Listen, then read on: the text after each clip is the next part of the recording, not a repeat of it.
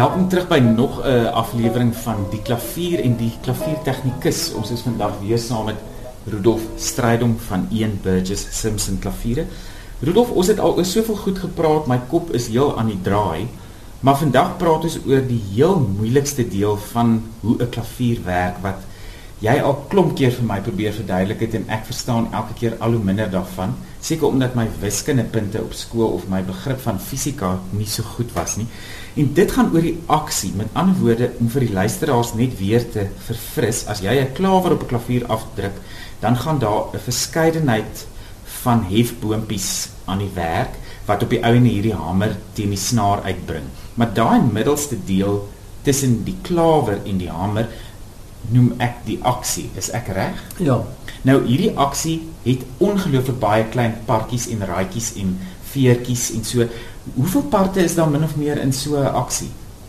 Dit sou nie ongewoon wees vir omtrent so 6000 parte in so 'n meganisme soos hierdie. In die hele klavier of in een noot? In die hele klavier. O, ek verstaan, ek wou nou net sê. So so met ander woorde, dis dis wat my as pianis as ek by die klavier gaan sit, laat voel oor die klavier se aksie voel maklik of moeilik, dit is swaar of dit voel oneweredig of dit die klawers wil nie lekker oplig nie, dit voel so sluggish soos baie mense sê, dit voel hmm. lomp. Dit is alles wat 'n mens die regulering, ja. regulation in Engels, met ander woorde die verstelling van die bewegende parte op die klavier. Nou as ek baie baie sag wil speel op 'n klavier, moet ek mos die klawer ongelooflik effens kan afdruk om die hamer by die snaar uit te kry. Wat is daai daai minimum hoeveelheid krag wat ek in 'n klavier moet kan sit om 'n noot voor te bring? So die spesifikasie vir 'n Steinway konsertvleuel sal wees van die basnote af omtrent so 56 gram na die jou boonste nootjie sou wees omtrent so 46 gram. 46 gram, dis ongelooflik min om al hierdie partjies aan die binnekant uh, te laat beweeg. So so waarop berus die fisika van hierdie aksie? Is dit is dit spanning, is dit swaartekrag, is daar springs, is daar rekkies? Waar hoe werk dit?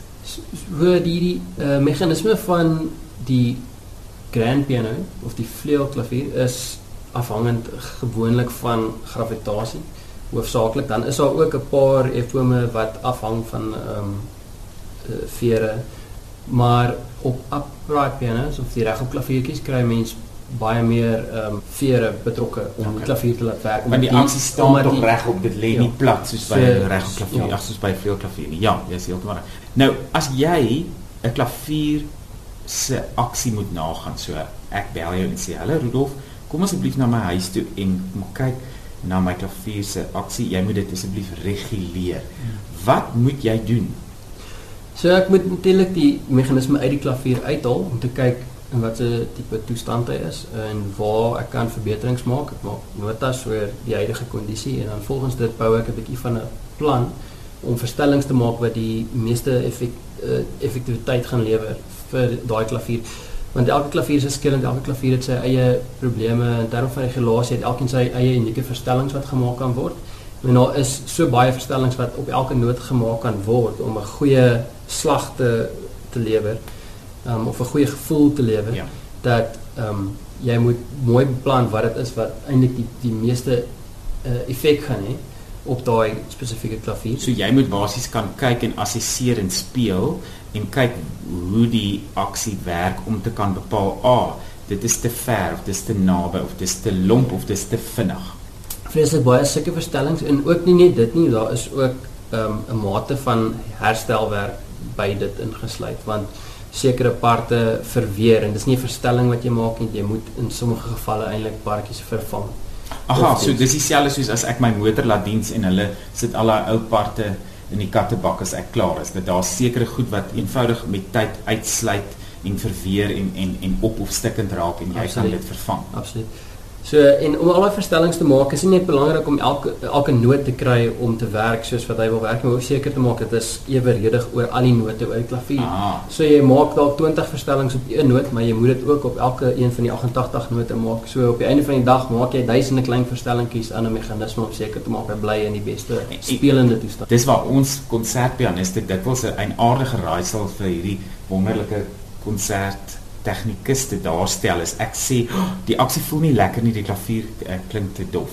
Dan sit eintlik 'n intoneringsding en nie 'n aksie ding nie, maar omdat die twee so uh, nou verwant is en die een hand die ander hand was, uh, verg dit dan baie keer van jou om my te moet kan verstaan en eintlik so 'n bietjie translating te kan doen om my te my te vertaal. Ja, jy is pianiste praat in musikale taal en as 'n tegnikus moet ek dit ehm um, soort van translate in 'n in 'n tegniese taal in. So ek vat hulle woorde en maak dit ehm um, iets wat vir my tegnies sin maak en ek moet 'n tegniese verstelling maak om 'n musikale probleem op te los.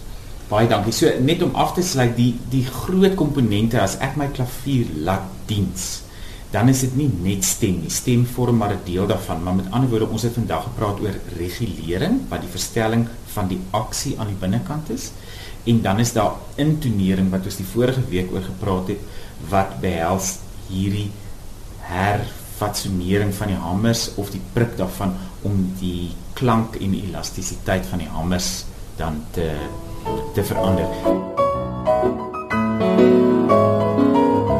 So Rudolf Strydom van een Burgess Simpson klaviere gaan vandag weer 'n mite probeer oplos.